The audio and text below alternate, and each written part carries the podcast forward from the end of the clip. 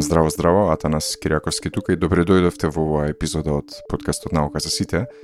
Денеска разговараме на теми од астрономијата заедно со Александар Шулевски, кој што е астроном, кој што професионално се занимава со ова при Универзитетот во Амстердам во Холандија и Гоце Симоновски, наш пријател и предходен гостин во подкастот, кој што е музичар и композитор по професија, но има исто така огромен интерес во астрономијата и постави многу попаметни прашања од мене во случајот. Во епизодава разговараме на многу интересни теми од неутронски цвезди до тоа зошто не е развиена астрономијата како наука во Република Македонија – Се надевам дека содржината и разговорот ќе ви се допаднат. Уживајте и слободно пишете ни доколку имате некои коментари или прашања во врска со ова.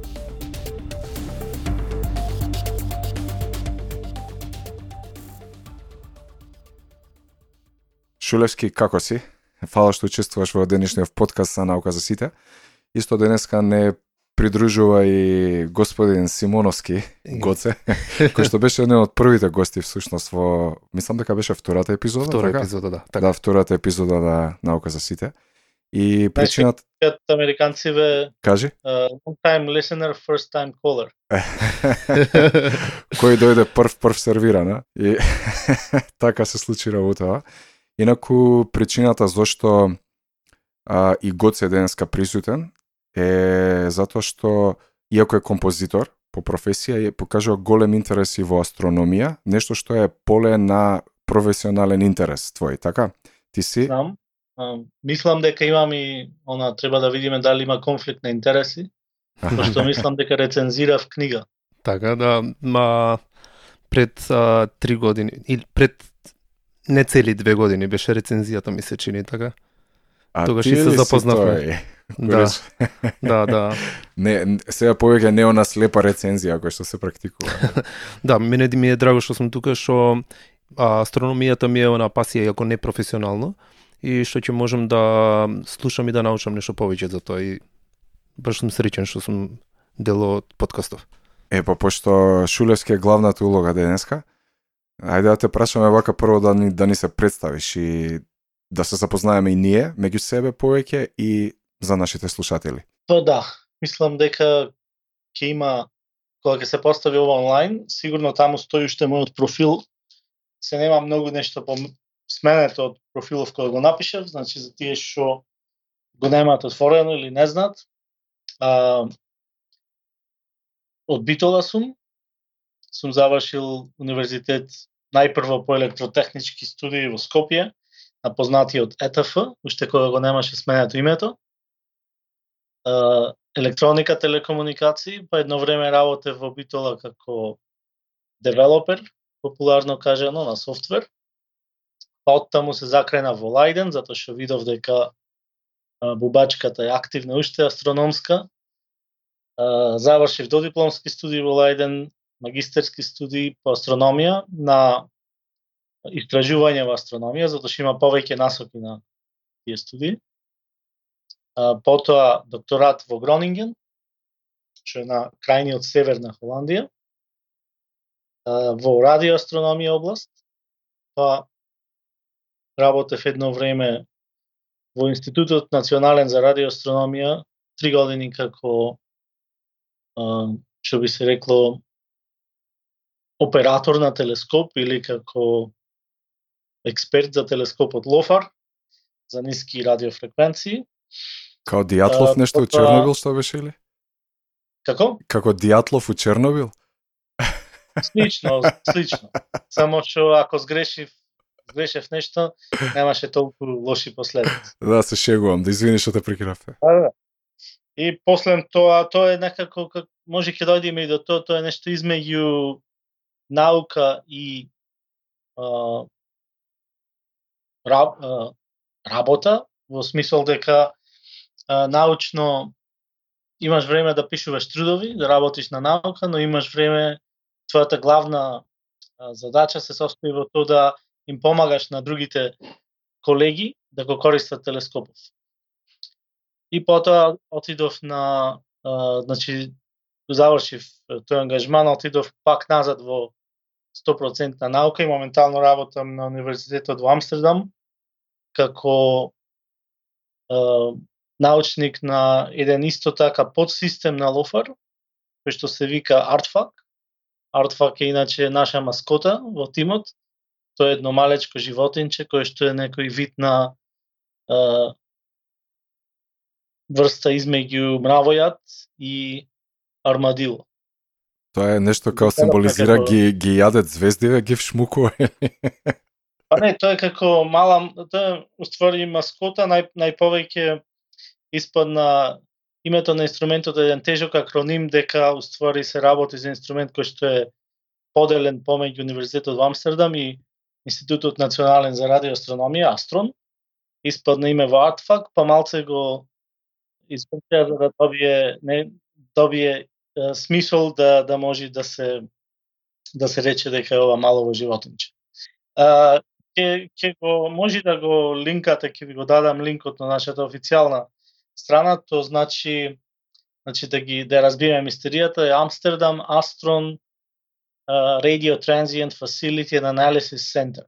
Е, така. И да се бие е артфак. Да, да, да, да, да. А ќе има доста вакви акроними, ќе ги објасниме подоцна, нели, Лофар, Лиго да, и така натаму. Да, тоа е веќе колку стана година и пол, каде што сум таму и можам да речам дека тоа е нешто како промена на на фокусот на мојата работа, значи предходно кога докторирав и работев со Лофар, најчесто работевме на активни галактички јадра, радио, во радио доменот и нивни остатоци на зрачење. А сега фокусот е повеќе на радио транзиентни феномени, тоа на македонски би дошло како а, експлозии.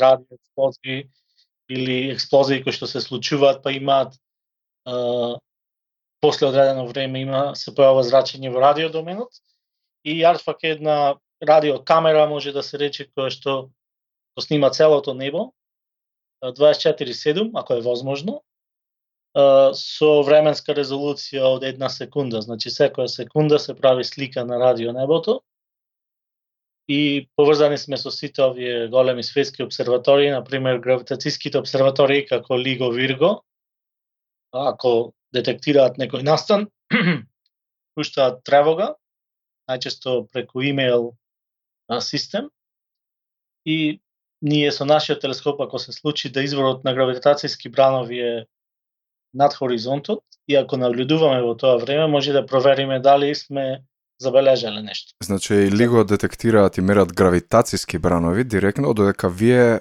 мерите радиобранови, така? Да. И ги комбинирате Сега, тие два сета на податоци после. Ма, има различни механизми кои што теоретичариве стално објавуваат трудови дека може да се случи ова или она, во зависност од тоа какви извори на зрачење се тоа, дали се работи за спојување на две црни јами, црна јама, неутронска звезда, неутронска звезда, неутронска звезда. Има различни модови на зрачење и тогаш во некој од тие да ги речеме канали, тоа е слично на елементарни частички, ако имаш судир на протон, протон, протон, неутрон, има различни типови на реакции, различни продукти, така и тука ако имаш спојување на а, две црни дупки, две неутронски звезди, имаш шанса да се добие радиозрачење или не. И во тој случај, на пример, добиваме тревога и сега читам во тревогата дека Лиго Вирго кажува дека со 95% веројатност се судриле две неутронски звезди. Тогаш, веројатноста да се добие а, радиозрачење во време на а, спојувањето е голема. Тогаш ние сме возбудени како радиоастрономи. Ако сме наблюдувале во исто време, има голема веројатност да нешто видиме и тогаш стварно се тресеме над нашиве податоци. Ама ако е се две црни дупки, тогаш не сме толку возбудени. А, Александар, имам едно прашање. А, обично на луѓе кои ќе им спомнеш телескоп, телескоп, а, они си ствараат усвест некоја слика дека се работи за а, а, инструмент со, со системот сочива и огледала. Меѓутоа, во твојот случај се работи за радиотелескоп. А, што точно а, прави тој радиотелескоп и кои фреквенции ги прима и а, кои се изворите, од каде ги добива? Ова е многу добро прашање, пошто ќе ми помогне да ги спојам моите две полиња на интерес, тоа е радио инженерија и радиоастрономија. И баш ќе поможи да го отвориме патот кон коментари за најпопуларната статија на наука за сите, кој што се занимаваше со хард. Ага, скромно Значи, кажано. Да, значи, која е разликата? Па, ако земеме најшироко концептуално, причината што секој човек кој ќе се спомни астрономија и телескопи си, си замислува двоглед или дурбин или во поново време телескоп со огледало е затоа што се тие најповеќе вкоренети во перцепцијата на јавноста поради медиуми и така натаму. И не мора да одите до радио домен за да а, имате чудни направи кои што се викаат телескопи, на пример телескопите кои што а, наблюдуваат рентгенски зраци или а, гама зраци, зависно од тоа, на пример, ако се во Вселената, може да бидат тотално различни од она што ние си имаме представа за еден телескоп. Телескопите кои што одат на сателити, на пример за а, мислам дека е Ферми, телескопот личи на а, една голема коцка поставена на носач кој што има единица за погон. Значи, механизмите на детекција го дефинира дизајнот на телескопот. Во случајов радиотелескопот, ЛОФАР, од кој што Артфарк е еден подсистем, а, буквално не личи на ништо. Значи, а, јас обично му кажувам на луѓето кога ќе не посетат, а, нема да можете да направите некои романтични фотографии, затоа што друге кога ќе одиш во Америка, на пример, на радионизата на Карл Јански, кај што е сниман филмот Контакт, особено ако е во конфигурација на да телескопите се наоѓаат многу блиско еден до друг, кога сите пратат некој извор на зрачење на небото, тоа е толку убаво, особено ако е добро времето или навечер. Да, а, извини, значи симултано. А, они симултано работаат, така?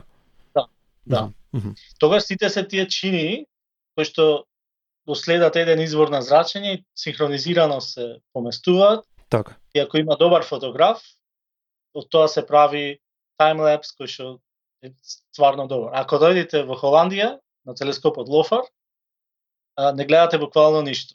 Ние користиме на ниски фреквенции, кога зборам за ниски фреквенции, то се негде околу од 20 мегахерци па се до 200 мегахерци. 1 херц е иначе една осцилација во секунда. Значи 20 милиони осцилации во секунда, ние ги викаме ниски фреквенции. Тие се отприлика фреквенцијата на радиото кој што сите го слушаме на, на во фреквентна модулација, значи FM, обсегот на радио Бранови се движи од негде 86 до 108 мегахерци. Нашиот телескоп наблюдува од има еден а, пропусен обсек од 20 до 80 мегахерци, потоа доаѓа FM обсегот кој што сите го користат и потоа наблюдуваме од 120 до 200 прилика мегахерци. Фактички, вие а, не ја гледате Вселената, туку ја слушате Вселената на некој начин. Па да, Што значи дека преку а, акустичките, ајде да речеме, особености на Вселената, може да произведете погенерални заклучоци за одредени незини феномени, како што се неутронски звезди или Значи не мора не не е тоа светлина која што се наблюдува, не е таков вид на на податок, туку е радио податок. да. Зависи која аналогија сакаш да правиш, пошто сите овие феномени може да се рече дека се осцилации, светлината е бран. Исто Да, да. или частичка. Ако направиме аналог, аналогија во контекст на човековите сетила, нели, вид и слух, вие повеќе сте кон слухот насочени, така? може да се рече, ама сепак можеме да мислам правиме ние слики на небото. И сликите се баш слики онака да, да исто како што обичен оптички телескоп би направил слика Мгм. и Да, радиотелескопите го прават знаеш во, во кој контекст а, мислам, значи, например во, во психологија, а, одредена акустичка информација која што ја восприемаш може да ти даде огромен број на визуелни податоци, односно можеш да креираш слика за одреден објект. Што значи, на пример, доколку некој зборува со, со подлабок глас, со а, не знам, со, со зарипнатост и така натаму, тоа создава слика на, на поинаков, нели, на одреден човек, на некое тело кое што е, например, помасивно, порезонантно и така натаму, додека ако зборува некој со пискав глас, тогаш е, одма замислуваме некакво тело кое што е малечко и така натаму. Значи, звучната информација може да, да даде е, голема информација и за визуелните особености на објектот од кој што, кој што го произведува самиот звук, односно самиот сигнал. А, во тој случај радиото би било нешто како многу подлабо глас. Во, во астрофизиката уште разликуваме дека а, физичките процеси сами по себе, во зависност од тоа колкава енергија а, со колкава енергија располагаат или колкава енергија генерираат, можат да создадат зрачење во одреден дел од спектарот. Така да овие процеси кои што ние ги наблюдуваме, ако се работи за извори на зрачење кое во радио астрономијата секогаш е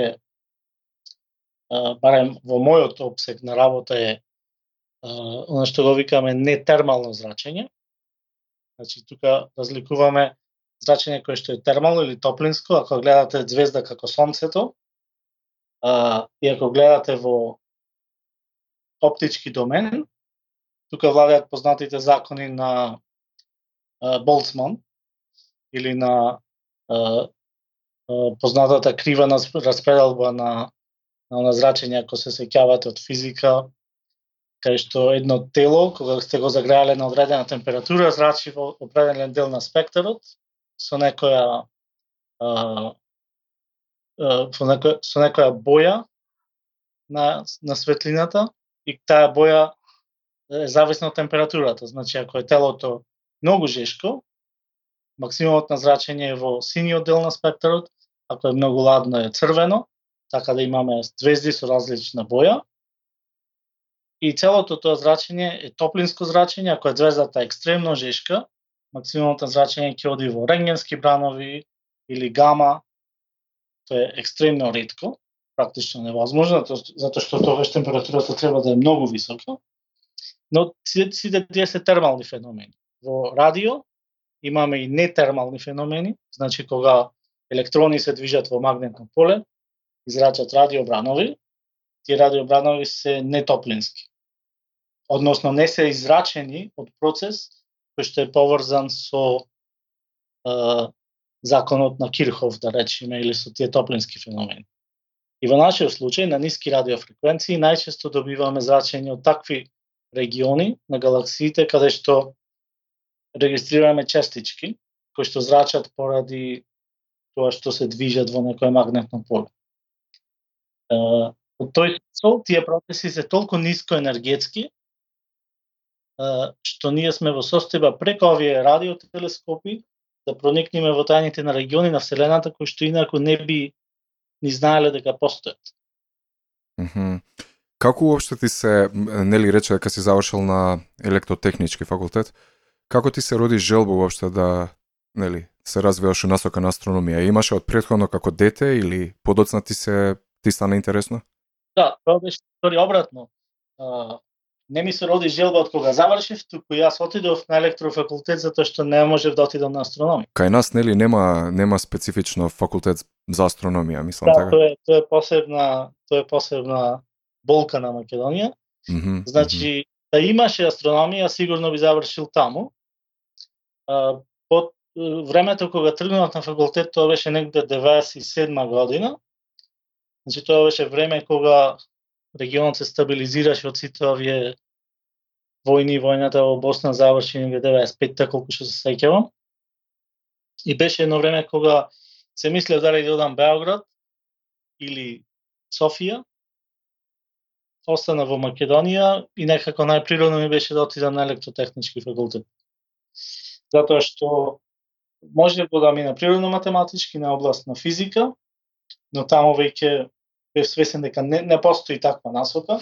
Имаше само неколку предмети, јас веќе учествував во средно училиште на надпревари по астрономија, имав земено неколку награди. И бев веќе во контакт со професори во природно-математичкиот факултет, ама електро некако беше по разви. А што, што мислиш зошто зошто е таква лоша ситуацијата во Македонија? Што што е проблемот? Треба многу средства за за таков вид на факултет за астрономија или пак немање желба, немање интерес? Тоа е одлично прашање, не само низ годиниве, значи сум се обидувал да ја се уште контактирам со бројни луѓе во Македонија од професионална страна, аматерска страна се обидувам да поставам некои врски да нешто се развие. Зошто е тоа така?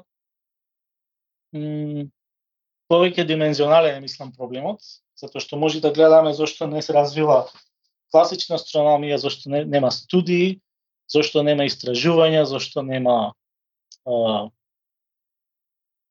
институции, телескопи. Значи проблемот е повеќе димензионален. Како прво и прво, Македонија никогаш немало основа за да се развие такво нешто. Имало луѓе кои што чат пат пробувале нешто да направат, ама секогаш останувало на нивна лична иницијатива, можам и примери да наведам, пошто ги знам луѓето како секогаш е, испаќало дека нивниот личен ангажман можел или не можел да превладае во даден момент, зависело колку тие луѓе имаат конекции со политиката или со некои моќници кои што нешто можат да променат. И болката е, мислам, што не е тоа системски сватено, како многу нешта во Македонија, а, нема континуитет. Значи, не е само Македонија таа која што а, нема развиена астрономија, тука се и соседните држави, но колку да е работата тешка во соседните држави, постоел каков таков континуитет. Значи, сум правил муавет со астрономија од Бугарија, од Србија, од Грција, и секогаш истакнувале, немаме пари, имаме проблеми, вакви или онакви, но кога тога се, се воспоставило некој јадро, се воспоставиле институции и тие институции, колку и да биле сиромашни или колку и да биле корумпирани, секогаш го држеле пламенот. Да, од секогаш сум бил малку скептичен за, за тој вечен изговор, нели, немање пари. Као, као нели, ако инjектираш огромни фондови, веднаш се ќе порасне. Значи, мора да има прво, мислам дека процесот е обратен. Прво мора да има силен интерес, мора да има а, силна мотивација да се прави нешто, па подоцна се надат и обезбедат пари за нешто. Значи, окей, ќе има пари, ама ако нема интерес, џабе ти е. Ја, јас би рекол дека е двострано, може би. Затоа што јас сум имал интерес како дете, пошто мене ми е астрономијата и географијата е еден од првите интереси. Значи, на почеток на основна школа се заинтересирав за тоа, меѓутоа единствен извор за информации поврзани со астрономија можев да добиам само од весници и ништо поиќе. Ги сечав весниците кај што беа статиите поврзани со астрономија и ги лепев во тетрадка.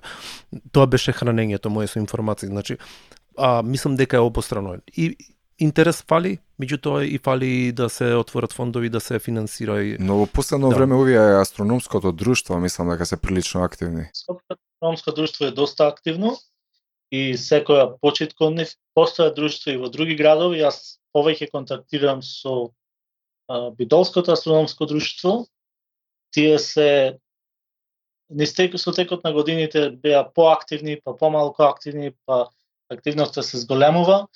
Лани летото добивме и или добија телескоп кој што го предадов на една мала церемонија таму, кој што беше символички значен затоа што потекнува од Белгија.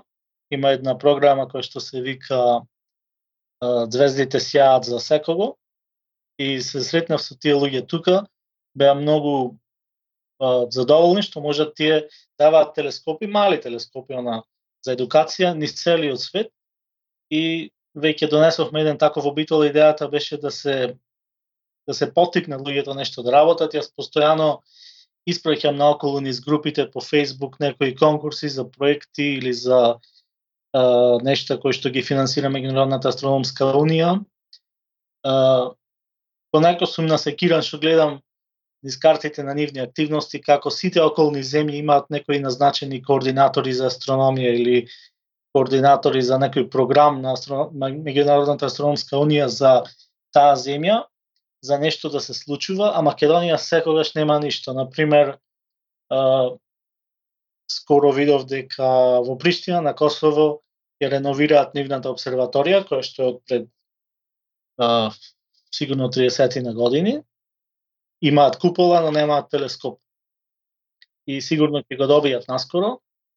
Македонија, не знам, аматерите се активни, луѓето кои што треба во институциите тоа да го преземат Да, не си го преземаат како врска. Доволно, ама да. и тие знам дека имаат своји причини, значи не постои она критична маса се некако препуштено само на себе. Си сум зборувал да, тука и да. за радиоастрономијата која што може да се развие релативно ефтино во Македонија, за која што би можел повеќе да помогнам, но тука се јавува и она, ако инвестираш, ако најдеш пари и инвестираш, тогаш потребен е континуитет.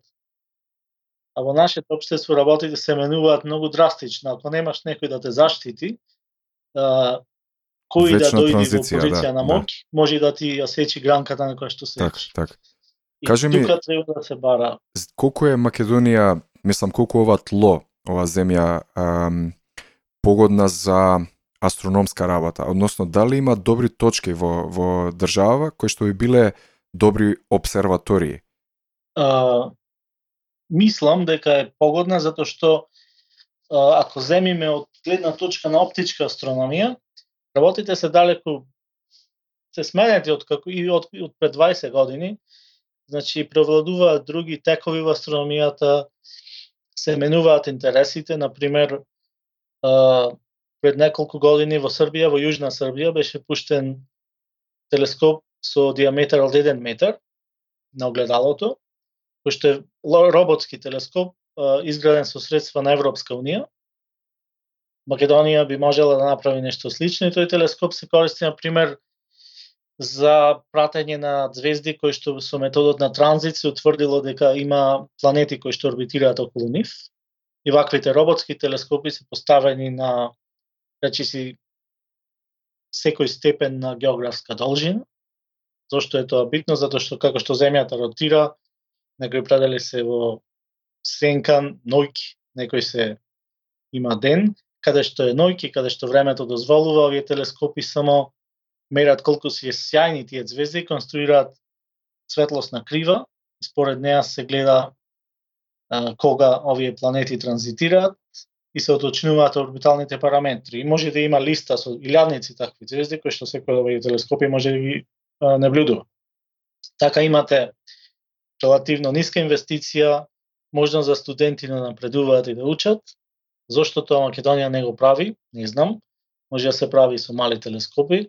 Анекдотално знам дека од времето на бивша Југославија, што се вели, кога се правело истражување за вакви поголеми обсерватории кои што би можеле да се изградат, тоа било во 70-тите години. Мислам дека од три локации во Југославија како посебно добри се издвоиле две, кои што биле во Македонија, и тоа во југо источниот дел. Точни локации не знам, може да се праша. За колку е тоа точно, од секогаш ми било кажувано, сум го слушал. Значи, за оптичка астрономија Македонија е погодна затоа што нема се уште голема светлосно загадување. Имаме многу врвови над 2000 метри висина, со голема пристапност бројот на сончеви денови во годината е релативно голем. А за радиоастрономија сепак сме добри затоа што изобилуваме со географија која што има а, котлини, во кои што нема некои силни предаватели на радио. И таквата положба е добра. Има можност и постојат и средства дури да се постават радиостаници кои што би учествувале во мрежата на Европската мрежа на радио обсерватории кои што се занимава со радио наблюдување на а, така наречени големи базни растојанија. Значи, земате 10 телескопи низ Европа, ги умрежувате, се добива еден голем интерферометар со растојание помеѓу базните станици од 1000 километри и проучувате извори на зрачење со екстремно висока резолуција. Тоа е нешто слично како што пред некој месец беше објавен резултатот за директно снимање на црната дупка во една не толку далечна галаксија. Така. Сигурно сте го слушнали. Да, да. Значи, има има средства таму каде што работев и се уште сум во контакт да се а, помогни да се трансформираат поранешни станици за прием на сателитска телевизија во станици за радиоастрономија. Значи, да, тоа е супер една... повик, еве, за тие што го слушаат подкастов и за тие што се во позиција тоа да го остварат, е одлична идеја и одличен повик. А, сум стабил во контакт пред неколку години, се работеше за станицата која што е прима вакви сигнали близко до Скопје, мислам местото се викаше Нова Брезница, ако не се лажам. Од таму ми река од Телеком дека таква погодна антена нема, јас мислев дека има. Во меѓувреме ако се сменило нешто не сум запознаен, но многу беше тешко да се и да се дојде до таква информација, требаше да прашувам преку колеги во факултетот, кои што во меѓувреме работат низ Телеком, значи и таму се соочив со таа со тој проблем да немаш едноставно не можеш да кренеш телефон и да прашаш. Uh, тоа е многу тешко. Во последно време дознав дека во Грција, во Пелопонез, има една таква антена која што грците ја преправаат во радиотелескоп. И тоа е многу добро. Македонија би можела да учествува затоа што ако земиме од Грција, па се до некаде Швајцарија, не постои погодна радиоантена. Значи, тој диапазон на географска широчина и должина е исклучен од овие мрежи. Mm -hmm. И многу пати сум зборувал со тукашни колеги дека а, многу интересно, дури и геополитички интересно, зошто на Балканот во Југоисточна Европа не постои ваква станица. И никој не, не знаел да ми даде добар одговор. А, Куриозитет е што и Африка во последно време по, повеќе е развиена во поглед на радиоастрономија и астрономија, отколку југоисточна Европа. Прекрасно. Тоа е сега кога ќе се изгради овој големиот радиотелескоп SCA, the Square, Square Kilometer Array, Африка ќе биде далеку пред југоисточна Европа, а сите сметаат, на пример имам моментално работам со студенти од Африка и им викам дали знаете дека створи не треба да се грижите да очејувате Африка не е најзаостанатата да. Најзаостанатиот регион. Чека, ние прво железница да направиме после. после ќе биде радиотелескопи. Тоа е те предизби. Јас би сакал да се навратиме назад на радиоастрономијата, значи а, за слушателите како што знаете дека значи рад, радиотелескоп изгледа повеќе како нели Александар како а, сателитска антена, нели? Со колектор метално огледало кое ги собира а, да речеме а, зрачењата во електромагнетниот спектар. А, предпоставам дека различни фреквенции а, значат различен извор а, ме интересира што точно истражуваш а, на која фреквенција од каде доаѓа изворот, што значи тоа? Какви што чудовишта откриле вселенски? Да. тоа е интересно прашање затоа што стварно а, радиотелескопот може да личи на чинија, на класична, но не мора да биде со а, многу мазна површина. А, има радиотелескопи кои што се во форма на чинија, на кое што чинијата име како сито. Значи со дупки. Е, само дупките треба да бидат помали од четвртина на брановата должина. Ако тоа е исполнето, од прилика, радиобранот мисли дека чинијава е совршено непропусно. А инаку, тие чини се системи кои што се веќе застарени, се користат најповеќе за високи фреквенции. Ако сакаш да изработиш ефтин телескоп, тогаш ќе го направиш како лофар. Лофар е буквално, како што почнам да раскажувам, многу неромантичен телескоп. Ако одиш во центарот на Лофар, гледаш само едно поле од кое што штрчат шипки. Она перет се а, колци, така да кажеме, на правилни растојанија и не, не постои ништо друго. Тоа се уствари држачи на радиодиполите, кои се Да. обични жици. Многу такви жици формираат антени и целиот трик е во позадината на телескопот, каде што ти треба стварно а, многу силен компјутер и многу луѓе со големи мозоци, кои што можат сите тие сигнали да ги искомбинираат правилно, значи телескопот се составува во бекенд. На полето има само многу ефтини жици. Така, значи има многу сензори случува- кои што на крај кога ќе се соберат сите заедно, всушност го прават радиотелескопот. Мантијата се случува буквално на местото каде што тие сигнали се собираат и се се работи во основа, се е процесирање на сигнали. И Така, тука радиоастрономијата се спојува со електронското електрон е, науката на процесирање на сигнали и е, инженеријата. Радиоинженерство, електронско инженерство. А што се проучува со тоа, е, списокот е долг. Неутронски звезди на ниски фреквенции, што се тоа неутронски звезди за слушателите? Ако може да објасниш накратко. тоа се тоа се буквално изгорени звезди. Тие се остатоци на супернови. Кога многу масивни звезди ќе експлодираат, оставаат позади себе едни многу убави а, маглини на небото, кои што се карактеристични, се како а, може да бидат како а, светлечки а, сферични лушпи, кои што тука а, кажуваат дека нешто енерги, енергично се случило, а во нивниот центар или малку понастрана, во зависност од условите на експлозијата, остатокот од звездата може да биде дури исфрлен од местото каде што била, останува еден јадрото на таа звезда кој што се смалило до многу мали димензии е многу густо. Едно кафено лажиче од таа материја, ако може да ја задржите во во тој мал простор, затоа што ако извадите од таму, она би експлодирала веднаш, едно кафено лажиче може да тежи илјадници тони.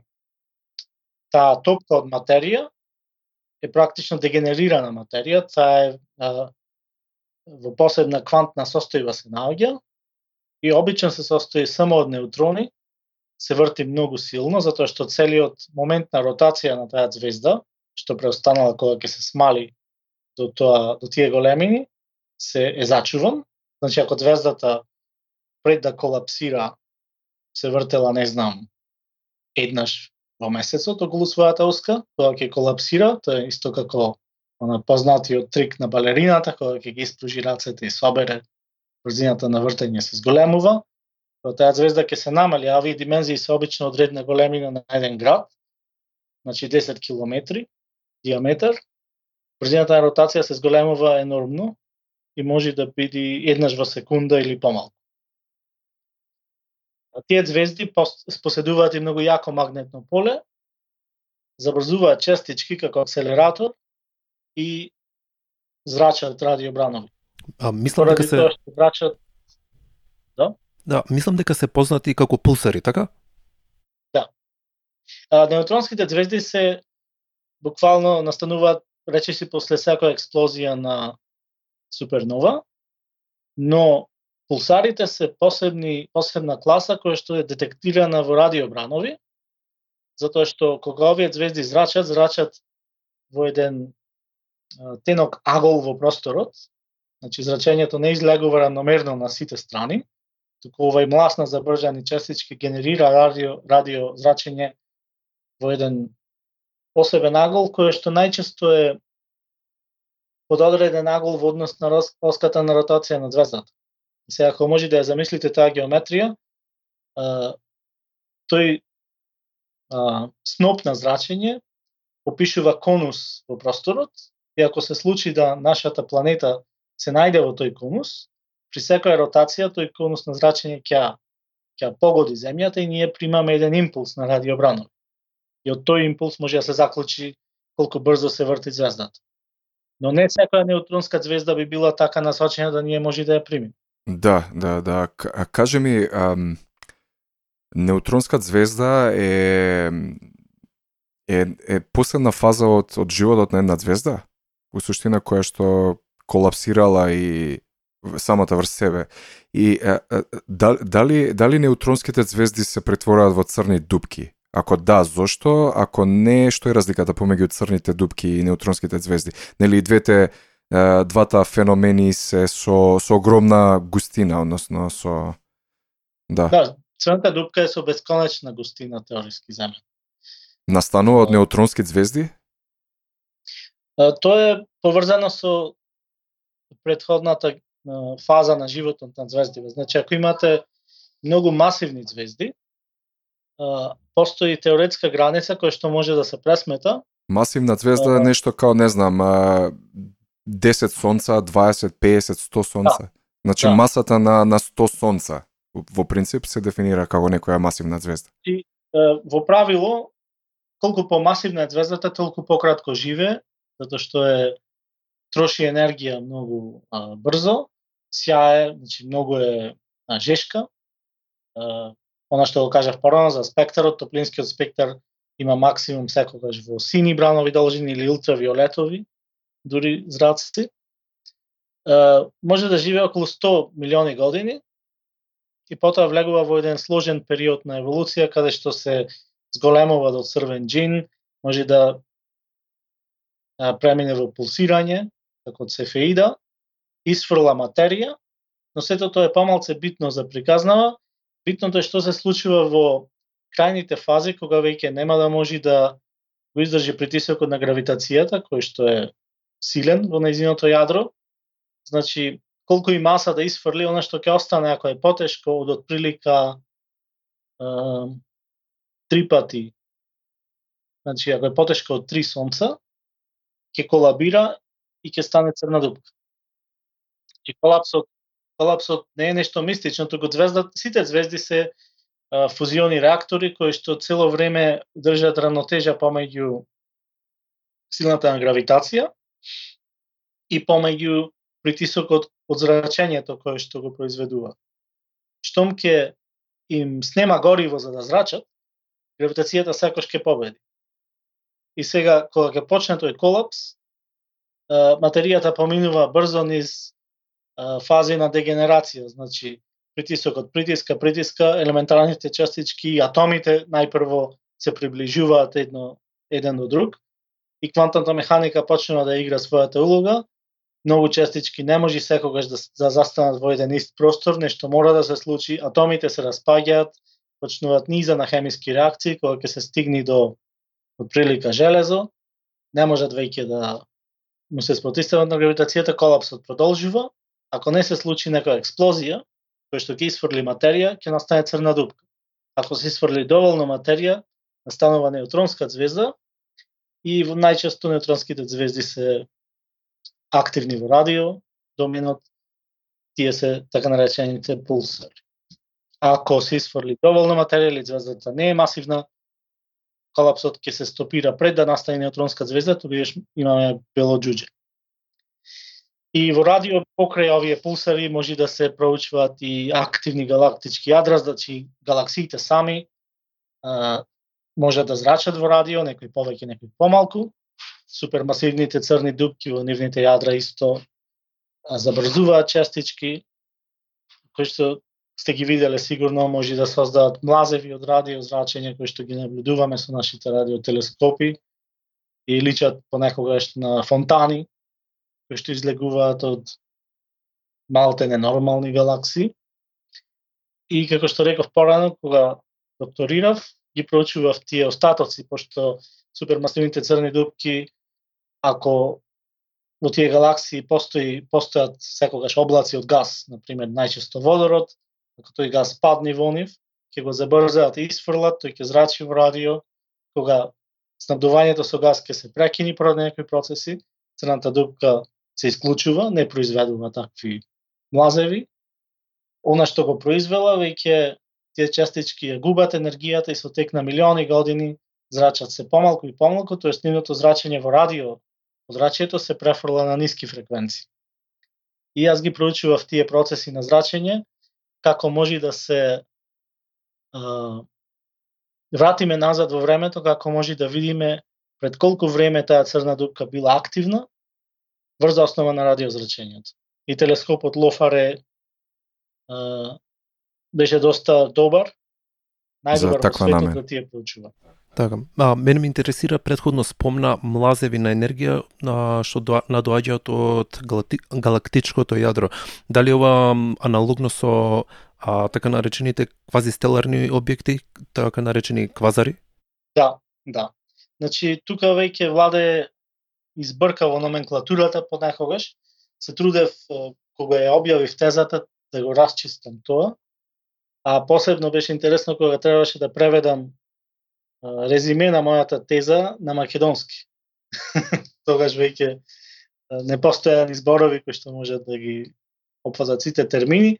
Значи, квазистеларните објекти, квазарите, се посебна а, класа на објекти.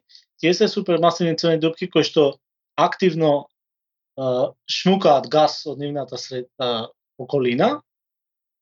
Покрај тоа што произведуваат а, радио млазеви, можат и многу се силни во оптички во оптичкиот домен на спектар. Mm -hmm. Јас имам читано дека дека а, ова е карактеристично за млади галаксии кои што туку се формираат.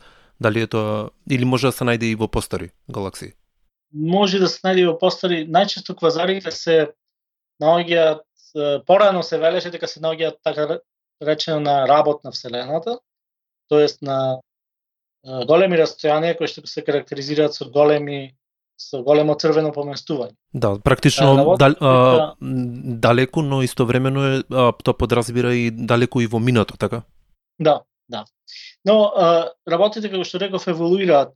Сега се знае дека универзумот како таков, односно галаксиите во него, проминуваат низ разни а, различни епохи на, на еволуција и квазарите се најповеќе застапени околу фактор на црвеното поместување кога ќе дојде до фактор 2. Обично тука се гледа дека а, галаксиите најповеќе формираат звезди, има најповеќе квазари. Потоа, поблиску до нас, таа активност опаѓа, а во а, почетните а, милиони години на универзумот исто се појавуваат доста јаки квазари, но нивниот број не бил толку голем.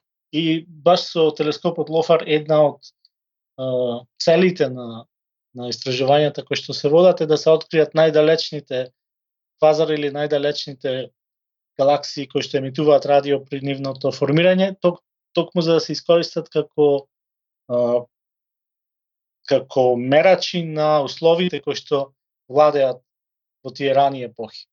Е, Александар, а, мене ме интересира кои се најбизарните вселенски тела кои што ги имате сретнато во вашите истражувања, тоа е едно прашање и друго прашање е дали има вонземјани? Нај супер. Најбизарните тела тоа е тешко да се погоди пошто секој човек би имал свој фаворит. Моментално доста прашања се крева околу така наречените а, како да се преведе ова на македонски брзи радио блесоци. Mm -hmm. Така ги има. Fast radio Како е на англиски? Fast, fast radio bursts. Окей, okay, окей. Okay. Значи А за, зашо, зашто, зашто сметаш дека се бизарни, кои се нивните особености? Кога ќе дојдам до тоа, значи пред да сега баш се сетив на она што го викаше професорот мој кој што ми беше ментор во Скопје на дипломската теза на електро, кој што имаше проект мислам дека и се заврши, заедно работеше со факултетот за филологија, со, на Институтот за македонски јазик, на филолошкиот факултет, сакаја да издадат речник на македонски технички зборови. Значи, мислам дека нешто се стори, а не би било лошо и ако е веќе објавено тоа да се обнови таквото издание, затоа што имаме начин да ги преведеме мнозинство зборовите кои што се користат, само што не се трудиме и секогаш. Да, да, да. Таква потреба постои за сите области практично на Да. науката во Македонија. Значи, на пример, го памтам се уште примерот кој, кој што тој го даде, во компјутерска наука постои структура која се вика стек. Стекот може да биде лифо, фифо и така натаму, Тоа е само регистр во кој што ставаш податоци и можеш да ги вадиш. И споминавме сати расправајки се кој македонски збор би бил најсоодветен за да се опише зборот стек. И постоеше таков збор, само што сега го имам заборавен. Значи, зошто се овие брзи радиоблесоци толку битни, зошто јас ги сметам дека се толку мистериозни, затоа што науката, радиоастрономијата моментално се наоѓа во однос на нив, на истиот степен како што се наоѓаше радиоастрономијата во 60-тите кога се открија пулсарите. Кога тогаш ги открија пулсарите, беа толку прецизни и се уште се користат како часовници во астрономијата, што луѓето мислеа дека се вонземјани, дека каков е тој објект, беа многу чудни. А брзите радиоблесоци се чудни затоа што се појавуваат еднаш, траат многу кратко од типот на микросекунди, доаѓаат од сите страни. Во почеток се мислеше дека се галактички извори на зрачење, но чим нешто доаѓа рамномерно од сите страни, а знаеме дека галаксијата е во форма на палачинка, е, многу е неверојатно дека би било поврзано со галаксијата, се откри дека се навистина космолошки објекти, значи на космолошки растојанија. И во последно време се утврди дека има и такви е, извори на тоа зрачење кои што се повторуваат. И еден од нив пред година дена беше локализиран во една многу мала е, беззначајна галаксија на отприлика 3 милиарди светлосни години од кај нас, далеку најверојатно се работи за многу млада неутронска звезда, но не е сигурно. Пред некое време телескопот во а, телескопот Аскап во Австралија локализираше еден од овие блесоци кој што не се повторува. Значи успеа да локализираат нешто што се појави еднаш само во траеше микросекунда, го локализира од каде доаѓа. Овај пат се работеше за една масивна елиптична галаксија. И тука е проблемот што сега се чини дека постојат две класи на галаксии кои што се домакини на овој феномен. Се уште собираме податоци, а, например, куриозитете што на ниски фреквенции овие работи скоро и да ги нема.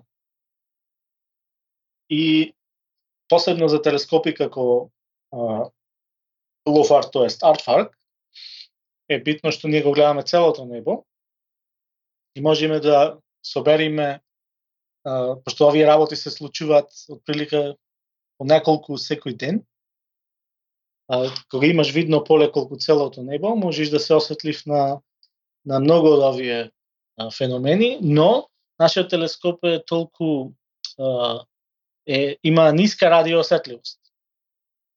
И не можеме да а, не можеме да ги видиме сите. И сега тука треба да сме многу а, како да кажам иновативни за да ги за да можеме да ги надополниме нашите недостатоци. Верувам дека во Вселената има многу објекти, многу тела, многу работи кои што се уште не сме ни стигнали ни да ги замислиме дека може да постојат воопшто. Веројатно во иднина ќе откриваме се повеќе и повеќе во однос на вонземјаните. Однос на вонземјаните, јас лично верувам дека нешто мора да има, затоа што инако, како што кажа некој, би било а, а, само губење на простор. Ако нема вонземјани да има толку многу голем простор, како универзумот, тогаш е стварно чудно ако нема, ако сме само ние. Проблемот е што вонземјани е многу широк поим. Вонземјани како едноклеточен живот Да, мислам на било каков биолошки живот вон земјата.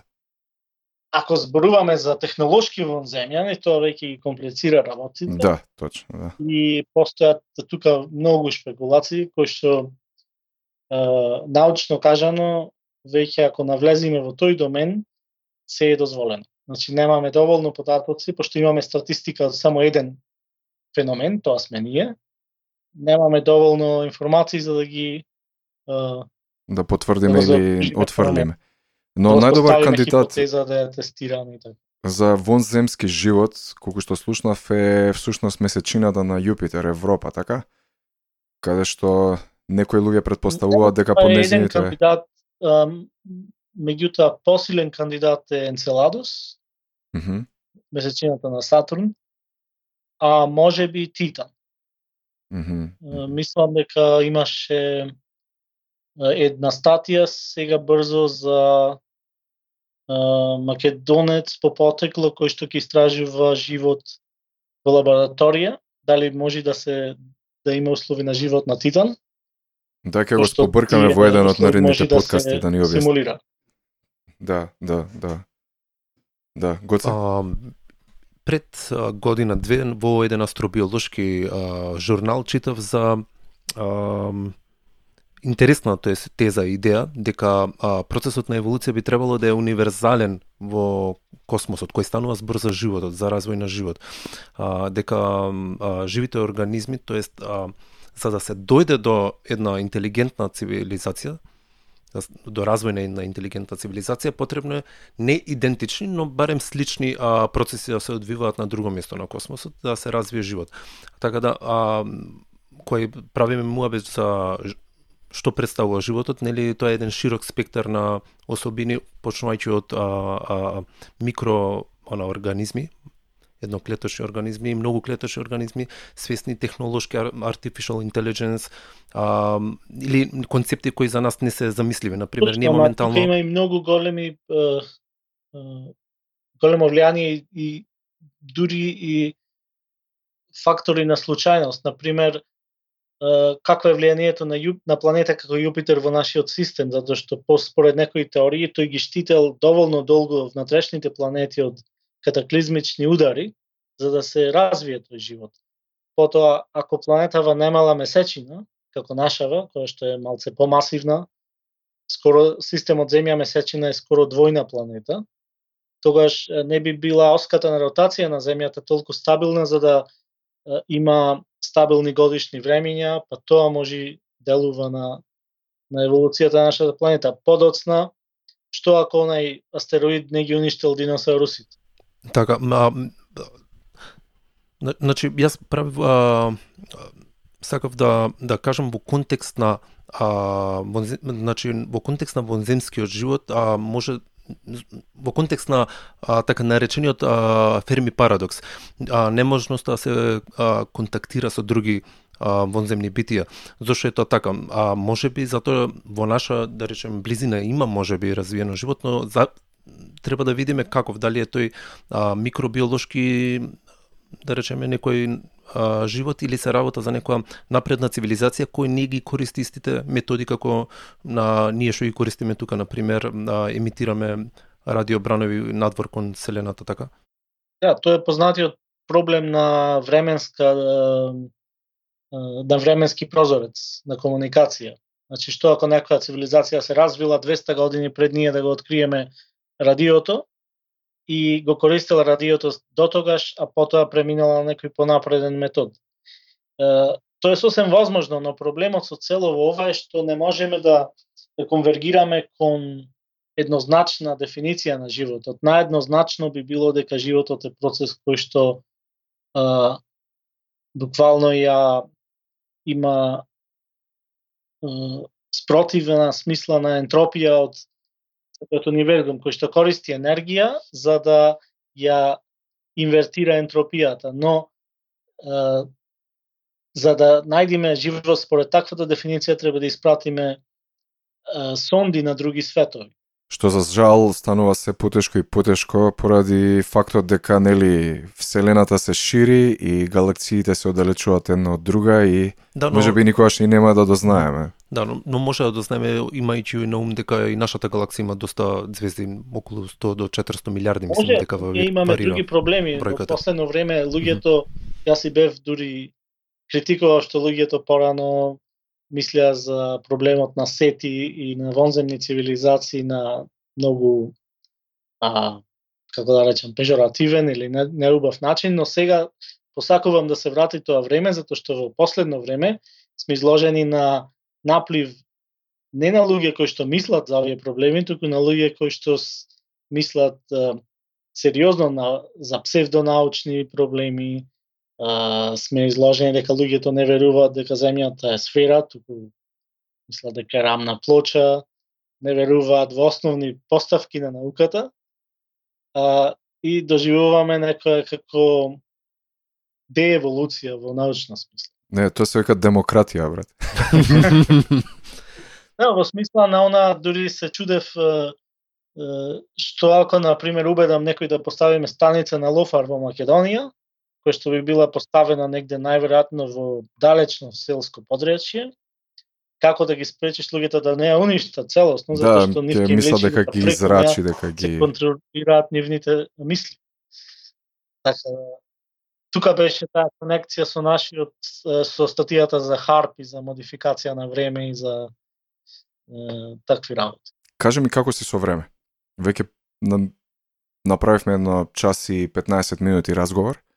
Стварно беше Па може може и да да да не да не одиме премногу Ајде, ајде вака се договориме. Другите подкасти. Така, да се договориме да направиме повторно муабет на некоја интересна тема, поспецифична тема.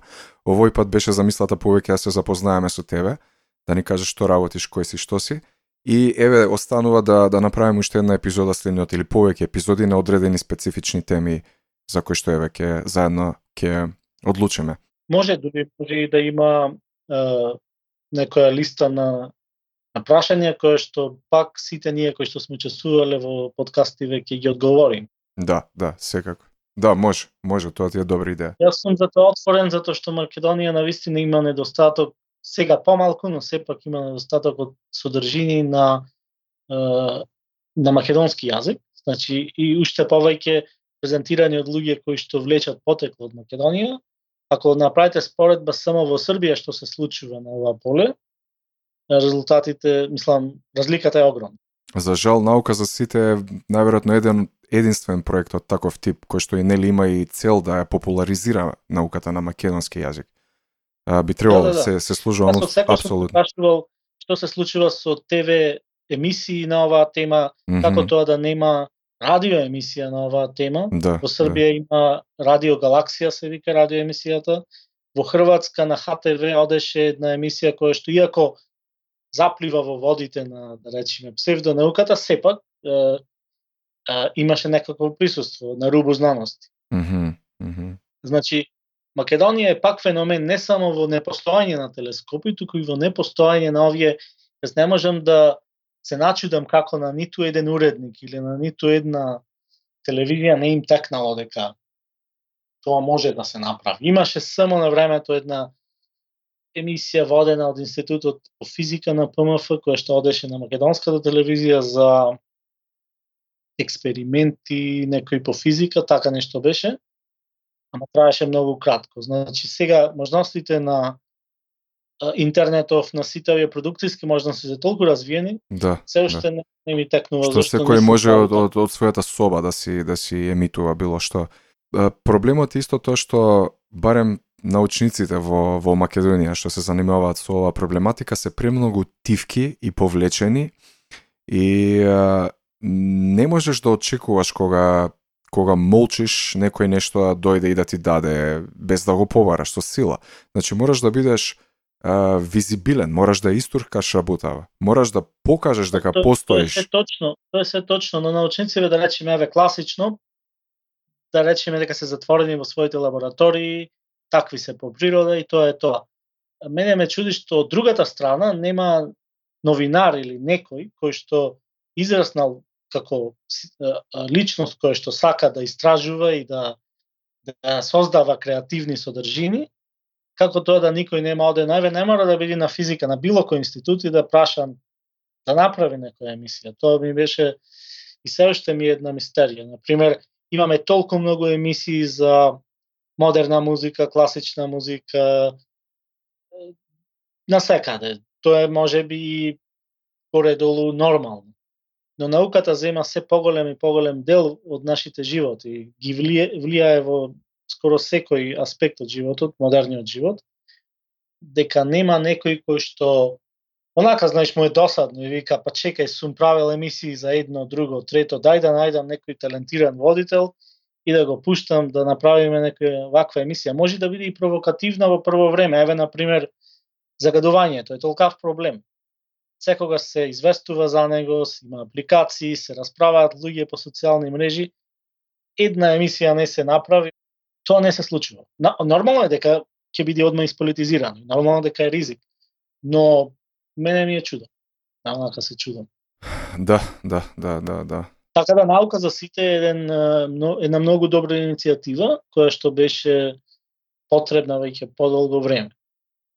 А се уште гледам дека не е земена во една нормална држава која што вика дека треба науката да се развива и да е во фокусот на младите, она очекував толку голема поддршка дека ќе дај некој, а тоа не го гледам, така не знам.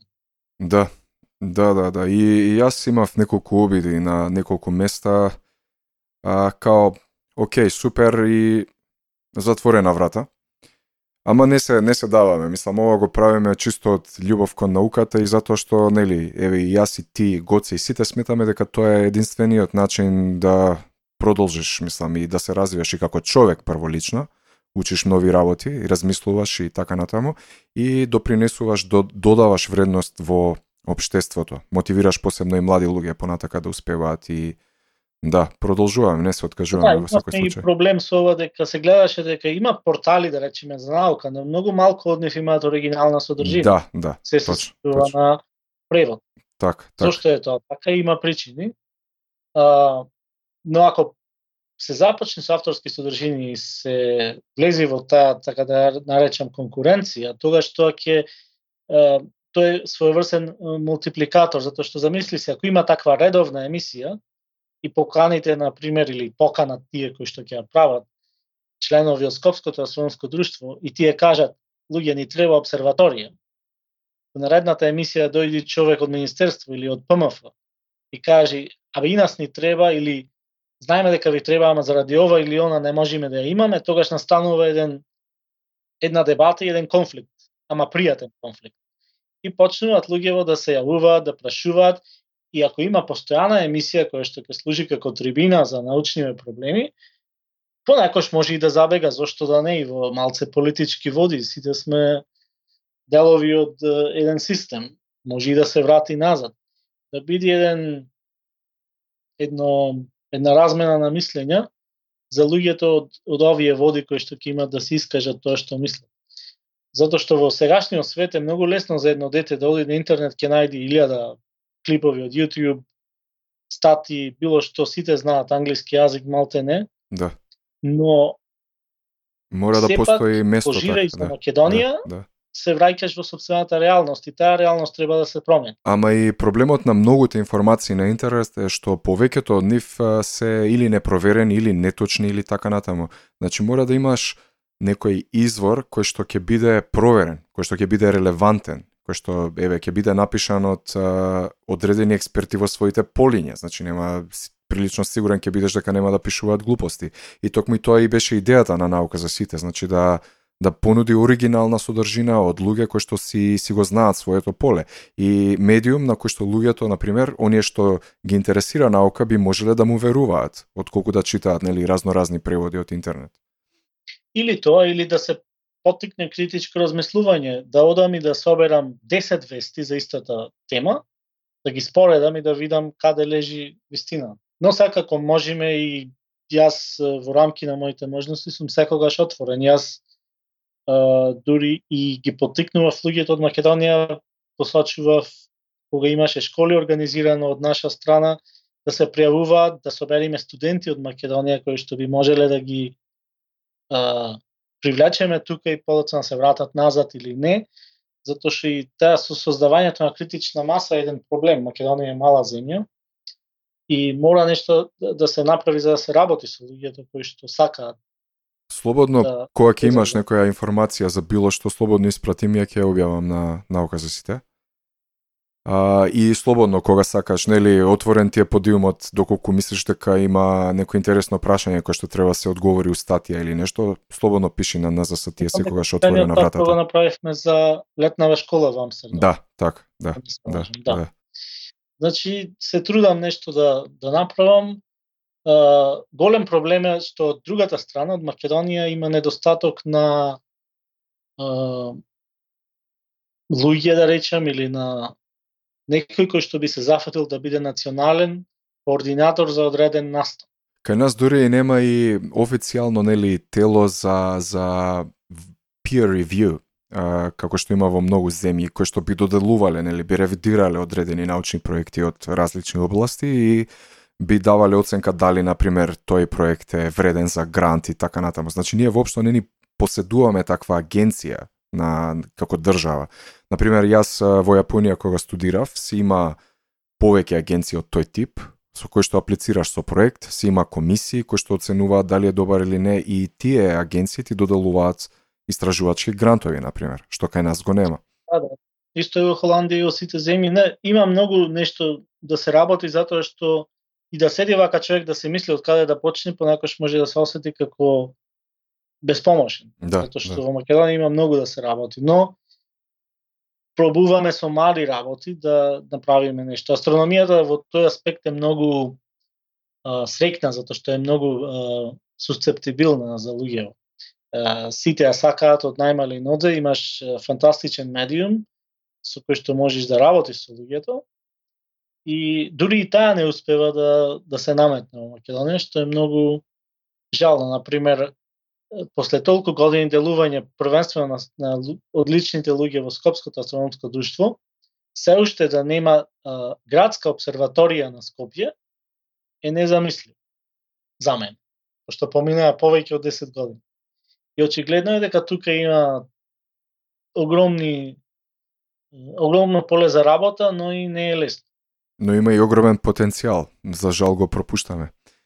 И, Да, го пропуштам. да, И тоа е тоа. Е, па ова нека остане како порака, нели, на крајот од, од а, епизодава на подкастов. Стварно фала ти што учествуваше и за одвоеното време. Мене многу ми се допадна разговоров. Не знам тебе Да, Гоце. да, јас уживав во разговорот, фала ви што сум дел од подкастот, научив плюс и се надевам ќе се видиме во Македонија да испиеме по едно ладно пиво. Да, да, кога ќе доаѓаш, обавезно јави се. Годинава, годинава ми е летово завземено од студенти. Е, на кај септември може. Може слободно, јави се, Одлично. имаш, имаш контакти, се идеме на пиво. Те частам и ова не е прва и последна епизода, ќе правиме уште повеќе. Да, се согласувам. Фала. Фала ти Шулески и биди ми поздравен, уживај.